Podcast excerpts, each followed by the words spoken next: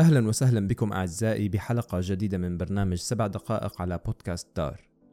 كما العادة يمكنكم الاستماع للحلقات على برامج البودكاست المختلفة سبوتيفاي، أبل وجوجل بودكاست طبعا بالإضافة لموقع يوتيوب. يكفي كتابة بودكاست دار أو استخدام الروابط الموجودة بوصف الحلقة. أما الآن لنبدأ. Ja, hjertelig velkommen til Arendal og presentasjonen av Arendalsuka 20... لا يمكن الحديث عن الأسبوع الماضي رقم 33 دون المرور بأسبوع أرندال أرندال سوكا الذي يعقد في كل عام بمدينة أرندال خلال هذا الأسبوع تحديدا. يعد أسبوع أرندال المحفل الأكبر للنقاش الديمقراطي في النرويج حيث يتم لمدة خمس أيام عقد أكثر من ألف نقاش وندوة سياسية. يتم دعوة الأشخاص لأسبوع أرندال بناء على نشاطهم وفاعليتهم السياسية. عقد أسبوع أرندال لأول مرة بعام 2012 وهو فكرة مستوحاة من أسبوع الميدال السويدي. يشارك بالمؤتمر أكثر من 200 جهة تمثل مختلف الأحزاب السياسية، الميديا في النرويج والمنظمات التطوعية. ووصل عدد الحاضرين للندوات لأكثر من 100 ألف شخص. علما أن قضية المناخ استمرت لكونها القضية المحورية خلال أسبوع آرندال للعام الرابع على التتالي.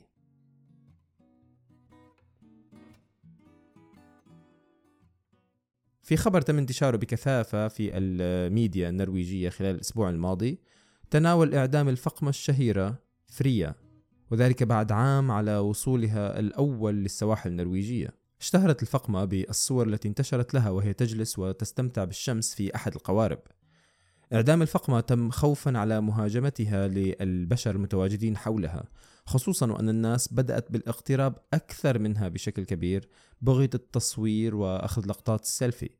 رئيس الوزراء النرويجي اتفق في خطاب له على آه، صحة القرار بإعدام الفقمة الشهيرة متحدثا عن أهمية منح الأولوية لحياة وسلامة البشر أولا.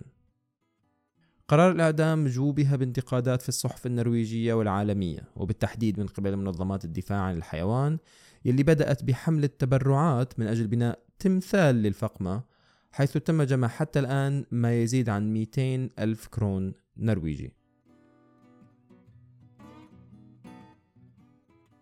شهد مهرجان ميلا حضورا جماهيريا تاريخيا بعد عامين من الانقطاع. المهرجان الذي تعني كلمته ميلا آه لنلتقي باللغة السنسكريتية يتم تنظيمه من قبل ميلا هوسا في العاصمة أوسلو.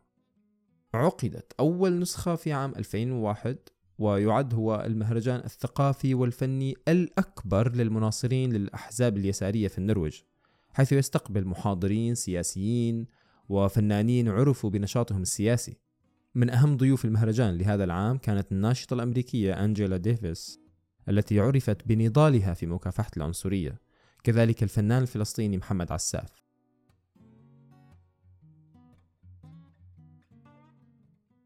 سجل صندوق الثروة السيادي النرويجي SWF وهو الأكبر في العالم خسائر قدرها 1.68 تريليون كرونة نرويجية أي ما يعادل 174 مليار دولار في النصف الأول من عام 2022 وتراجع عائد الاستثمار للصندوق الذي يدير أصولا بنحو 1.3 تريليون دولار بنسبة 14.4%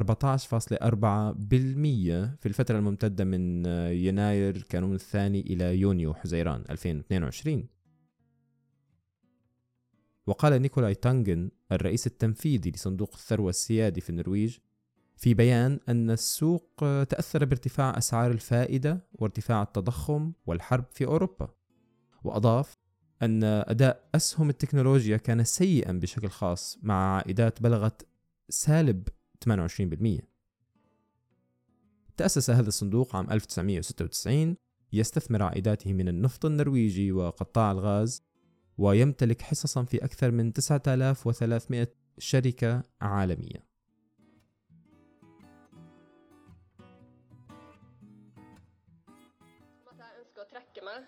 Partileder av personlige grunner. Dette trer i kraft på mandagen. Er قدمت رئيسة حزب الخضر MDG مليوبارتية دي جرونة أونا باستهولم استقالتها يوم الأربعاء الماضي من رئاسة الحزب علما أنها تولت رئاسة الحزب منذ عام 2020 باستهولم البالغة من العمر 36 عام وفي لقاء مع أفتن بوستن عبرت عن صعوبة الجمع بين القيام بمهامها في رئاسة الحزب والتواجد تحت قبة البرلمان ستورتينغا وأن تكون كذلك أما لطفلين في عمر رياض الأطفال. باستهولم نفت أن يكون لنتائج حزب الخضر السلبية بالانتخابات الماضية أي سبب في استقالتها. وبالمقابل سيكون أرلد هرمستا 55 عام رئيسا مؤقتا للحزب حتى اختيار رئيس جديد علما وأن هرمستا هو الوحيد الذي أبدى رغبته ليكون رئيسا للحزب.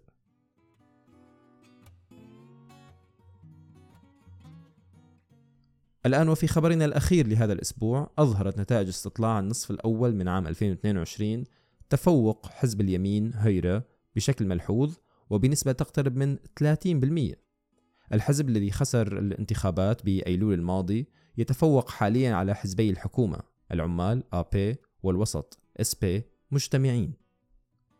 رئيسة الحزب إرنا سولبرغ بررت ارتفاع شعبية حزبها بالتعاطي السيء للحكومة الحالية مع الأزمة الاقتصادية والتضخم الحاصل. رئيسة الوزراء السابقة أكدت أن ما يجري الآن غير ممكن لو كان حزبها هو الحزب الحاكم في البلاد.